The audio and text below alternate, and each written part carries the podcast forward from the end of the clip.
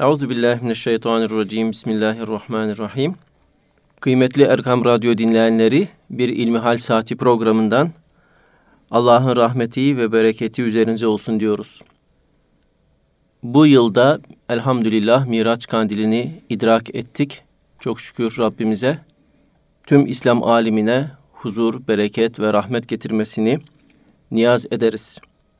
Sizlerden bize gelen soruları pek muhterem hocam Doktor Ahmet Hamdi Yıldırım'a soruyoruz. Ondan da cevaplarını almaya gayret ediyoruz elhamdülillah. Muhterem hocam ilk sorumuzu size yöneltmek istiyorum. El Fatiha sözünü duyunca Fatiha okumanın hükmü nedir diye sormuş bir dinleyenimiz. Evet, elhamdülillahi rabbil alemin ve salatu ve selamu ala Resulina Muhammedin ve ala alihi ve sahbihi ecmain. Fatiha açan anlamına geliyor. Kur'an-ı Kerim'deki ilk sure olması hasebiyle de Kur'an-ı Kerim'i açarken açtığımızda karşılaştığımız Kur'an'ı açan sure veya Kur'an'ın sırlarını ihtiva eden, taşıyan, açan anlamına El Fatiha kelimesi surenin Kur'an'daki ilk surenin adı olmuş. Elbette El Fatiha suresi nüzul itibarıyla gökten indirilmiş olması itibarıyla ilk gelen ayetleri ihtiva etmiyor. İlk gelen ayetler İkra suresinin başındaki oku, Rabbinin adıyla oku malindeki İkra ismi rabbikellezi halak ayetleri. Ama Fatiha-i Şerife ihtiva etmiş olduğu bir cümle Kur'an'ın temel maksatlarını, hedeflerini ifade eden meramı taşıdığından dolayı Kur'an'ın ilk suresi olmuş. Çok faziletli bir sure. Hz. Peygamber sallallahu aleyhi ve sellem Efendimiz'e müjde olarak verilmiş olan hatta Cebrail aleyhisselam Hz. Peygamber Efendimiz'in huzurunda bir gün bulunurken gökyüzüne doğru bakıyor ve gökyüzünden şu anda bir melek indi diyor. Bu melek bugüne kadar hiç yeryüzüne inmemişti. Gelirken de sana iki tane müjde getirdi. Bu müjdeleri senden başka hiç kimse almamıştı. Bunlar da Kur'an-ı Kerim'in ilk suresi olan Fatiha suresi ve Bakara suresinin son ayetleri. Binaenaleyh çok büyük bir sure Fatiha suresi. Muazzam manalar ihtiva ediyor. Bir defa alemlerin Rabbi olduğunu Cenab-ı Allah'ın ilan ediyor, deklare ediyor. Rahmet ile muttasıf olduğunu, Rahman ve Rahim olduğunu bildiriyor. Din gününün sahibi olduğunu ifade ediyor. Ondan sonra ibadetin sadece ve sadece Allah'a yapılacağını, yardımın da sadece ve sadece Allah'tan bekleneceğini İyyâke na'budu ve iyyâke nesta'in ayeti kelimesi bizlere anlatıyor. Peşinden de Cenab-ı Allah'a ilticamız, duamız söz konusu. Ya Rabbi ihtinas sıratal müstakim bizi dost doğru yola ilet, nimet verdiklerinin yoluna ilet, gazabına uğramış yoldan çıkmışların yoluna girmekten bizleri muhafaza eyle. Onların yoluna asla bizleri saptırma malindeki ayeti kerime ile son buluyor. Kur'an-ı Kerim'in ihtiva etmiş olduğu uluhiyet, rububiyet ve ibadet, tevhid manaları Fatiha-i Şerif'te işareten geçmekte. Dolayısıyla Kur'an'ın kalbi olmaya hak kazanmış bir sure Fatiha suresi. Hz. Peygamber sallallahu aleyhi ve sellem sahabe efendilerimizden birini çağırıyor. O mübarekte namaz kıldığından dolayı Efendimizin çağrısına biraz geç icabet ediyor. Ya Resulallah ben namazdaydım buyurunca Hazreti Peygamber Efendimiz ayeti kerime Allah ve Resulü sizi hayat olan bir şeye çağırdığında ona hemen icabet ediniz ayetini okuyarak sana düşen derhal peygamberin çağrısına cevap vermekti buyuruyor. Ondan sonra da camiden çıkmadan sana çok önemli bir şey söyleyeceğim diyor. Sana çok önemli bir şeyi söyleyeyim mi, öğreteyim mi buyuruyor. Daha sonra bu sahabe efendimizin elinden tutarak camiden çıkmaya doğru teşebbüs ettiğinde sahabe efendimiz diyor ki ya Resulallah hani camiden çıkmadan bana çok önemli bir şey öğretecektiniz. Efendimiz Aleyhisselatü Vesselam da Fatiha-i Şerife'dir diyor. Kur'an'ın en büyük suresidir. Seb'ul mesanidir. Tekrar edilen yedi anlamına geliyor. Bu yönüyle Fatiha-i Şerife namazlarımızda okuduğumuz, her gün en az 40 defa tekrar ettiğimiz, hayatımızın her alanına girmiş olan çok önemli bir sure-i şerifedir. Hatta aleyhissalatu vesselam Efendimiz konup göçenler diye bir hadisi şerifinde Kur'an-ı Kerim'i çokça okuyanları medetmekte, övmekte. Bu övgüye mazhar olmalarının sebebini de konup göçer olmalarına bağlamakta. Yani Kur'an-ı Kerim'i okumayı bitirir bitirmez tekrar yeni bir hatme başlıyorlar. Onun için dikkat ederseniz bizim hatim meclislerimizde, merasimlerimizde hafız efendiler Kur'an hatminden sonra işte Kur'an'daki son sureleri okurlar. Peşinden de Fatiha-i Şerife'yi ve Bakara suresinin ilk ayetlerini okurlar. Böylelikle şeytan e, hatmi bitti artık bundan sonra e, Adem ile meşgul olabilirim diye sevinirken yeni bir hatme başladığını görünce rahatsız olur. Şeytan üzülür bu durumdan. Bu yönüyle de Fatiha-i Şerife yeni bir hatme başlandığının adeta ilanı hükmündedir. Şimdi böyle faziletli bir sure olan Fatiha-i Şerife hatta e, birçok mezhepte yani Hanefi mezhebi hariç diğer üç mezhepte namazın bir rükünüdür. Yani Fatihasız namaz düşünülemez. Ama Hanefi mezhebinde Fatiha namazın vaciplerinden bir tanesidir.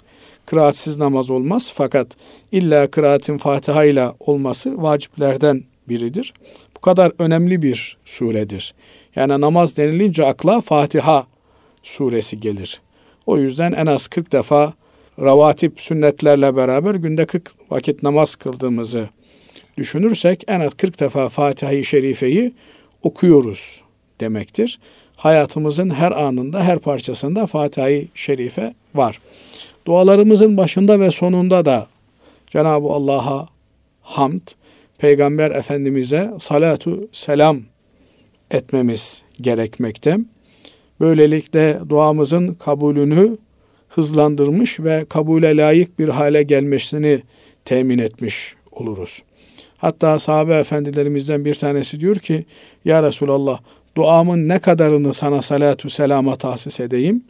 Efendimiz de buyuruyoruz ki, ne kadar yapabilirsen o kadar senin için daha hayırlı. Üçte birini tahsis edeyim diyor.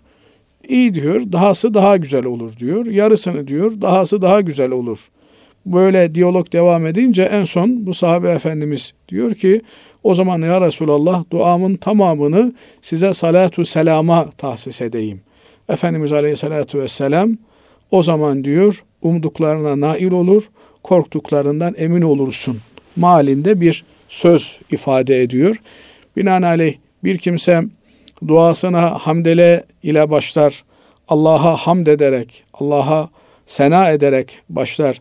Peşinden de salatu selam ile devam ederse bu duanın kabul olma ihtimali çok yüksektir. Nitekim Cenab-ı Allah her halükarda kulunun yaptığı duayı kabul edeceğini ifade etmektedir.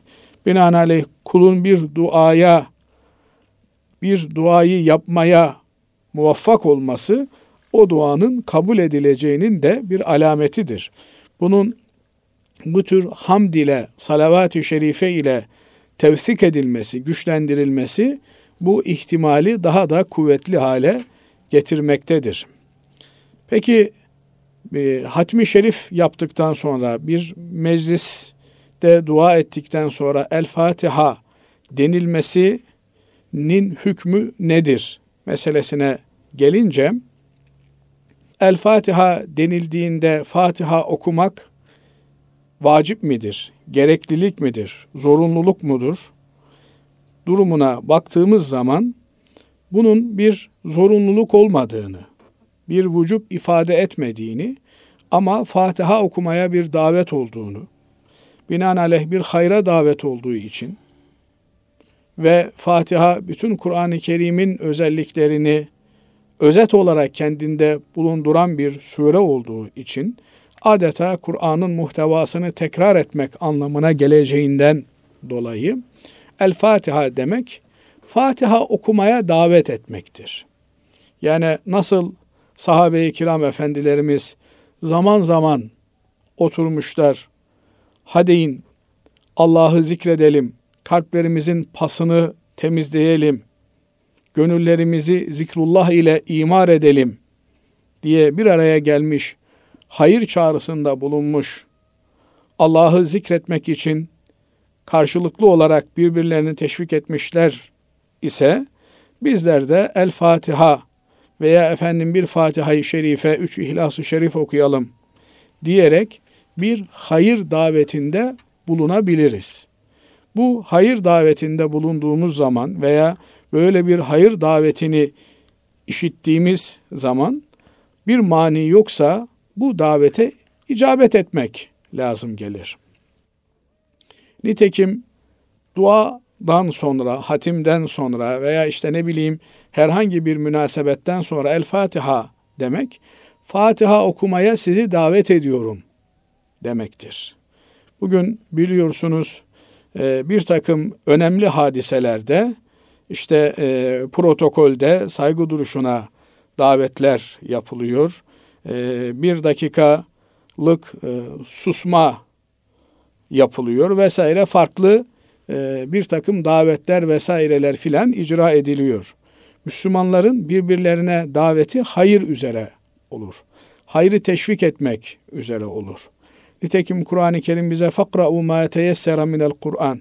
Kur'an'dan kolayınıza geleni okuyunuz buyuruyor.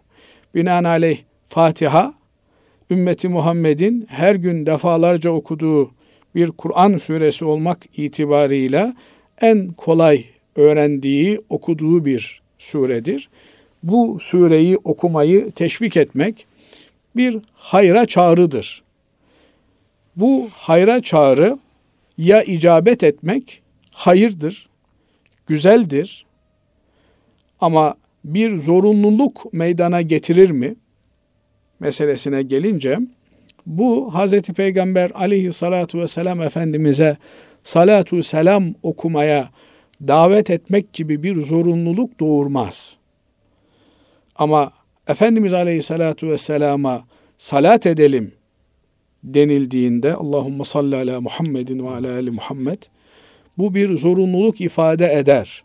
Nitekim Hz. Peygamber sallallahu aleyhi ve sellem Efendimiz bir hadisi şeriflerinde üç defa amin dediği naklediliyor. Sahabe-i kiram efendilerimiz ya Resulallah biz işitemedik neye amin dediniz diye sorduklarında da Hazreti Peygamber Efendimiz aleyhissalatu vesselam buyuruyorlar ki Cebrail aleyhisselam geldi ve üç duada bulundu. Ben de onlara amin dedim diyor. Bunlardan bir tanesi kimin yanında senin ismin anılır da salatu selam okumazsa onun burnu yerlere sürünsün. Yerlerde sürtsün diye beddua etti. Ben de amin dedim. Dolayısıyla kitaplarımız der ki Hazreti Peygamber Efendimizin aleyhissalatu vesselam adı anıldığında salatu selam okumak her Müslümanın üzerine gereken bir borçtur. Binaenaleyh Efendimiz Aleyhissalatu Vesselam'a salatu selam okumaya çağrı yapıldığında bu çağrıya icabet etmek mecburiyeti söz konusudur. Efendim bana ne ben icabet etmem denilemez. Bir diğer husus da bir Müslüman Kur'an okuduğunda o Kur'an'a icabet etmek, o Kur'an'ı dinlemek, sükut ederek o Kur'an'a kulak vermek yine Kur'an'ın bize bir emridir. Burada şöyle bir itiraz söz konusu olamaz. Kul kula bir şeyi vacip kılamaz. Kul kula bir şeyi zorunlu tutamaz. Dini olan bir şeyi ancak Allah zorunlu kılar. Elbette dini olan bir şeyi ancak Cenab-ı Allah zorunlu kılar. Sünnet, farz veya efendim vacip olarak Cenab-ı Allah vasıflandırabilir, nitelendirebilir. Fakat kulun bu çağrısı Allah'ın emriyle paralel oluştuğunda Allah'ın çağrısı yerine geçer. Binaenaleyh Cenab-ı Allah Kur'an okunduğunda kulak veriniz, Kur'an'ı dinleyiniz dediğine göre Kur'an okunduğunda kulak kesilmek, Kur'an'ı dinlemek her Müslümanın üzerine farz olur. Yine Cenab-ı Allah ey iman edenler Allah ve melekleri peygambere salatu selam ediyor. Siz de ona salat ve selam ediniz dediğinde bizim bu çağrıya salatu selamla karşılık vermemiz Allahumma salli ve sellim ala seyyidina ve nebiyyina Muhammedin ve ala alihi ve sahbihi ve sellim dememiz gerekir. Buradan tekrar Fatiha meselesine dönecek olursak Fatiha meselesinde Fatiha okuyun demek bir hayra davettir, çağrıdır. Bunun Fatiha okuma zorunluluğu doğurmasını gerektiren ilave bir delilimiz yoktur. Bu yüzden Fatiha okuyun denildiğinde Fatiha okumak farzdır, vaciptir diyemiyoruz. Gerçi bazı alimlerimiz bu noktada Fatiha okuyun denildiğinde mazereti olmayan kimselerin Fatiha'yı okuması lazım gelir demektedirler.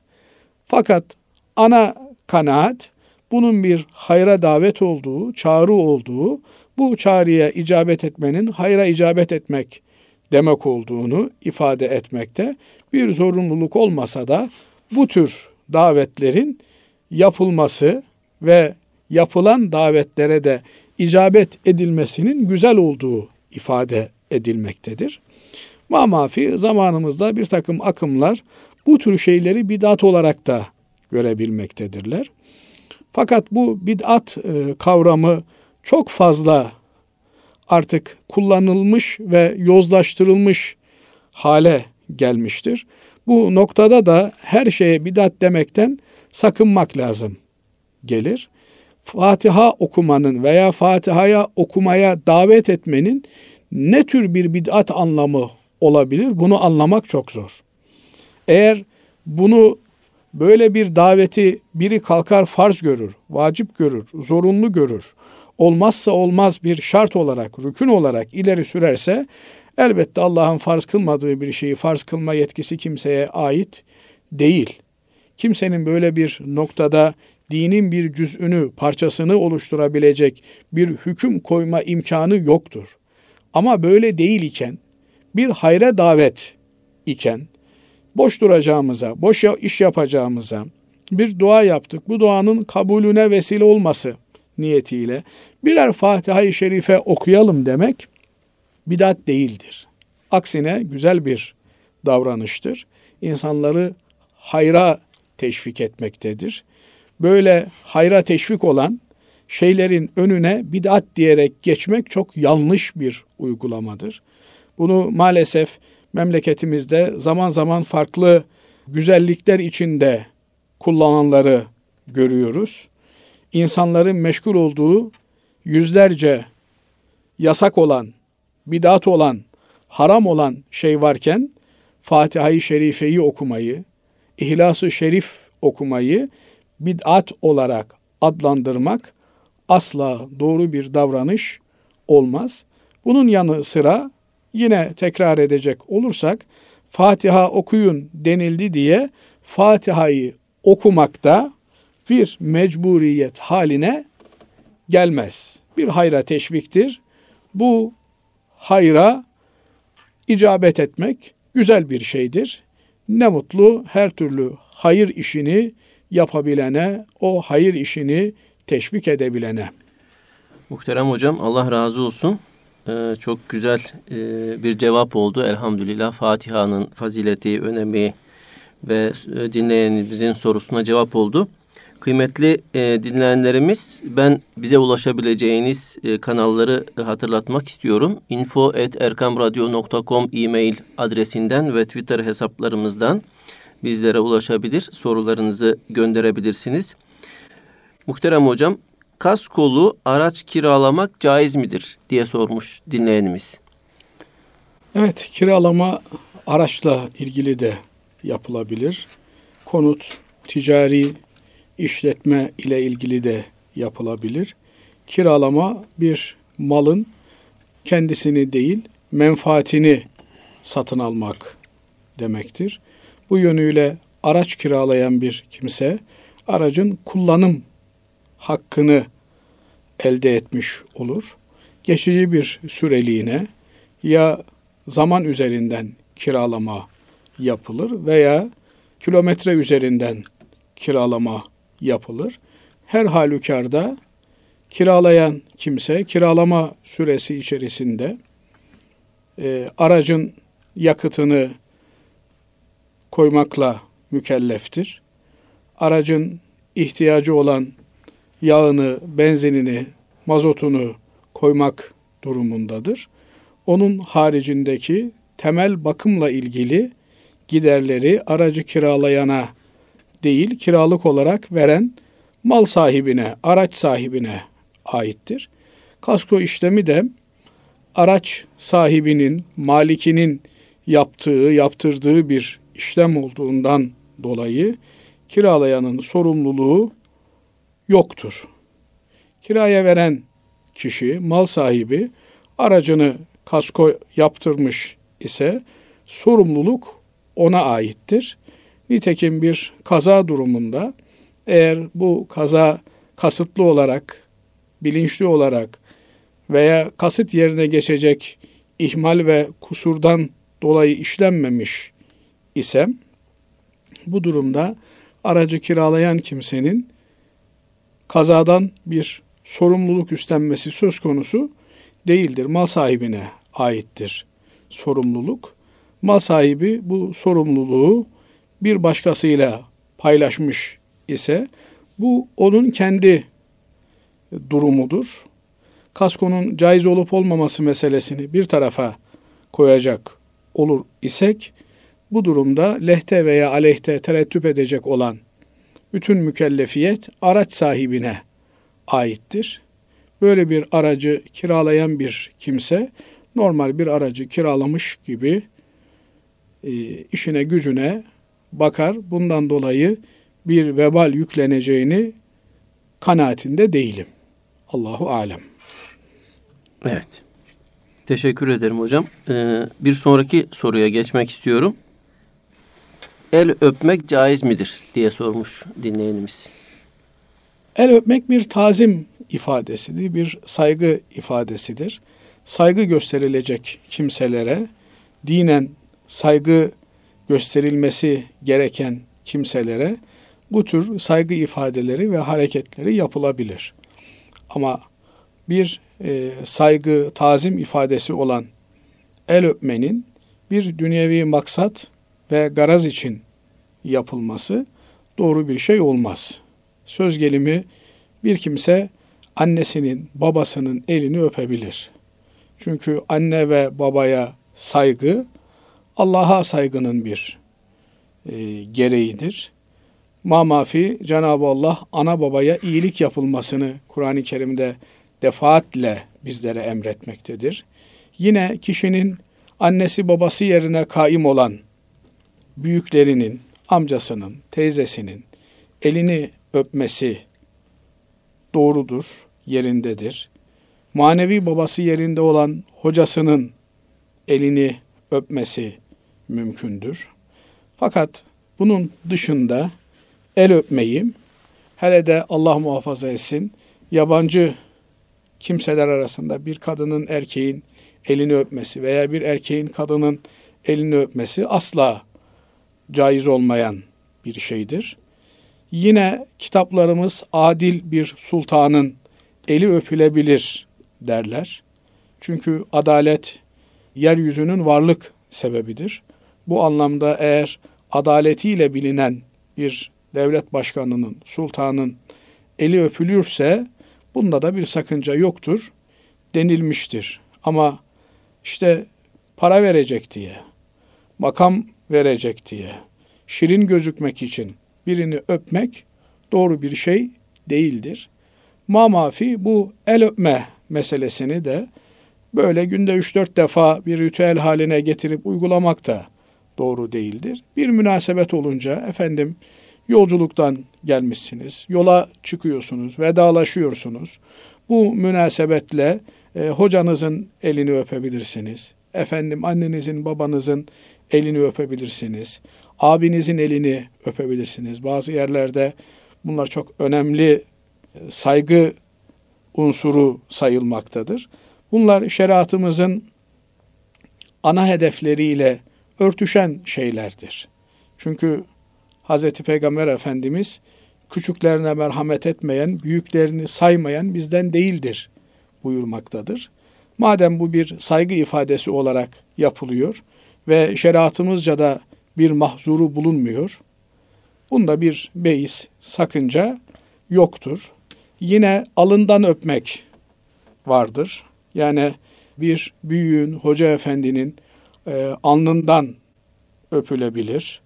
Bir küçüğün e, sevgi, muhabbet izhar etmek için alnından öpülebilir. Binaenaleyh elden ve alından öpmek caizdir. E, bunun dışında farklı çağrışımları akla getirebilecek olan öpüşmelerse doğru değildir. E, hatta bazıları yasak kapsamında değerlendirilmiştir. Bir saygı ifadesi, tazim ifadesi olarak el öpülebilir bu saydığımız çerçeve dahilinde. Evet, Allah razı olsun. Diğer bir sorumuz ise şöyle hocam. Erkeklerde kıyafetin ölçüsü nedir? Özellikle kıyafetten e, maksat setrul avrettir. Yani avret mahallinin örtülmesidir. Avret mahalli denildiğinde erkekler için göbek altı ile diz kapağı altı anlaşılır. Bu aranın örtülmesi farzdır. Fakat bu aranın örtülmesi farzdır diyerek bir kimse bununla yetinmez, yetinemez. Mutlak surette e, bölgesinin örfüyle bağdaşan bir giyim kuşamı benimsemesi gerekir. Bu giyim kuşam da o bölgedeki Müslümanların giyim kuşamıyla paralel olmalıdır. Yani gören bir kimse o kılık kıyafeti giyen bir kimsenin Müslüman mütedeyyin bir insan olduğunu idrak edebilmeli, anlayabilmelidir. Bunun da bir takım e, belirleyici kuralları vardır. Mesela giyilen kıyafet e, vücudun hatlarını göstermeyecek derecede bol kıyafet olmalı. Efendim vücuda yapışan adeta vücudu resmeden bir kıyafet giymek doğru bir giyiniş tarzı olmaz. Aynı şekilde şeffaf içini gösteren transparan bir kıyafet de bir giyim tarzı olarak benimsenemez. Bunun yanında erkeğin erkek gibi giyinmesi gerekir. Erkeklere ait olan giyim tarzını ve giyim kuşam biçimini benimsemiş olması gerekir. Kadınlara mal edilmiş olan kadınsı renkleri ve kıyafetleri kullanması caiz değildir. Nitekim Hz. Peygamber aleyhissalatu vesselam Efendimiz kadınlara benzeyen erkeklere, erkeklere benzeyen, benzemeye çalışan kadınlara lanet etmiştir. Lanet çok vahim bir günah olduğunu bizlere bildirmektedir. Yani burada çok muazzam bir suç söz konusu ki lanet gibi çok ağır bir ceza buna öngörülmüş. Binaenaleyh erkeklere altın ve ipek bundan dolayı yasaklanmıştır. Çünkü altın ve ipek kadınların kullanımına açık olan süs eşyaları, zinet eşyalarıdır. Erkeklerin giysisinde, giyim kuşamında süsten daha ziyade örtmeyi, tesettürü öngören kıyafetler kullanılmalıdır. Buna göre bir erkeğin ipek ve ipekimsi tarzlardan, kumaşlardan uzak durması, erkeklere özgü, rahat, bol, altını izhar etmeyen, göstermeyen bir kıyafet olması gerekir. Bunun haricindeki meseleler mevsime göre, adet ve geleneklere göre değişkenlik arz edebilecek şeylerdir. Efendim bir diğer önemli husus da erkeklerin kılık kıyafetlerinde dikkat etmeleri gereken husus giymiş oldukları kıyafetlerin, elbiselerin Müslümanların genelde tercihleriyle uyum içerisinde olması gerekir. Efendim ayak takımının, gavurların, Müslüman olmayanların giyim tarzını taklit etmek, onlar gibi giyinmeye çalışmak doğru bir giyim, kuşam biçimi olmaz. Çünkü insanın üzerine almış olduğu kıyafet, giydiği elbise onun ruh halini yansıtmaktadır. Elbisenin insanın iç alemine etkileri olmaktadır. Eğer Hz. Peygamber aleyhissalatü vesselam Efendimizin standartlarına, giyim kuşam biçimine uygun, yaraşır bir giyim kuşam benimsenirse o zaman insanın ruhani tarafı da inkişaf eder. Efendim fasıkların, facirlerin, günahkarların, Allah tanımazların moda diye icat ettikleri tamamen insanı pespayeye çeviren, İslami kimliğini ve kişiliğini yok eden kıyafetleri giyenlerin zaman içerisinde kalpleri de o tarafa doğru evrim geçirmekte, eğrilmektedir. Allah muhafaza eylesin. Binaenaleyh ne olacak efendim? Örtmüyor mu? Örtüyor. Ona benzemiş, buna benzemiş ne anlamı var? Denilmez. Nasıl kadınların kıyafetlerinde dikkat çekici olmamak aranıyorsa erkeklerin kıyafetlerinde de dikkat çekici olmamak aranır. Yani bütün Müslümanların benimsediği, giydiği sıradan kıyafetler olmasına özen göstermek gerekir. Böyle kıyafetiyle nasıl ifade ederler? Birilerini ezmeye çalışmak. Efendim ben moda giyiniyorum, ben şöyle pahalı kumaşlar giyiniyorum, böyle pahalı markalar tüketiyorum şeklinden hareketler Müslümana yakışacak şeyler değil. Müslüman sade, temiz, bol, rahat, Müslümanların benimsediği ve giydiğinde de üzerine yakışan haza bir Müslüman dedirten kıyafetleri tercih etmeli, kıyafetiyle de kimliğini vurgulamalıdır. Bilemiyorum. Evet hocam. Anlatabildim mi Basri ben hocam? ilave bir şey sormak istiyorum muhterem hocam. Ee, son zamanlarda bir saç modası e, zuhur etti, ortaya çıktı. Böyle etrafı tamamen kısaltılıp e, sadece üst kısmı bırakılıyor. E, biraz daha uzun bir şekilde.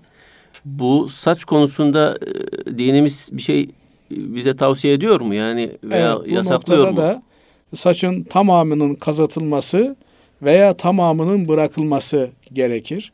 Öyle dörtte birinin kazıtılıp dörtte birinin bırakılması, ortasının kazatılıp kenarlarının serbest bırakılması veya ön tarafın kesilip arka tarafın uzatılması doğru değil. Ya tamamı kesilir veya tamamı bırakılır veya tamamı aynı seviyede muhafaza edilir. Ama e, Efendimiz Aleyhisselatü Vesselam'ın saçlarını uzattığı hatta kulak memelerine kadar döküldüğü hadis-i şeriflerde varid olmuş. E, hac ve ümre münasebetiyle ihramdan çıktığında tamamen kazıttığı hadis-i şeriflerde varid olmuş. Mamafi bu vesileyle ifade etmek isterim ki Hz. Peygamber Efendimizin baş açık dolaştığı pek rivayetlerde rastlanmıyor. Yani saçı uzun da olsa, kısa da olsa e, takke ile, sarıkla dolaşmış Hazreti Peygamber aleyhissalatu vesselam Efendimiz. Bu yönüyle de e, bu toprakların 100 sene öncesine baktığınızda erkeklerin de baş açık gezmesi çok çirkin ve abes karşılanırdı. E, ama şimdilerde artık e, öyle takke takayım, sarık sarayım pek e, rastlanmaz oldu. Fakat en azından e, saç şekliyle de e, Müslümanın sadeliği benimsemesi, bir özentiye e, kendini kurban etmemesi gerekir.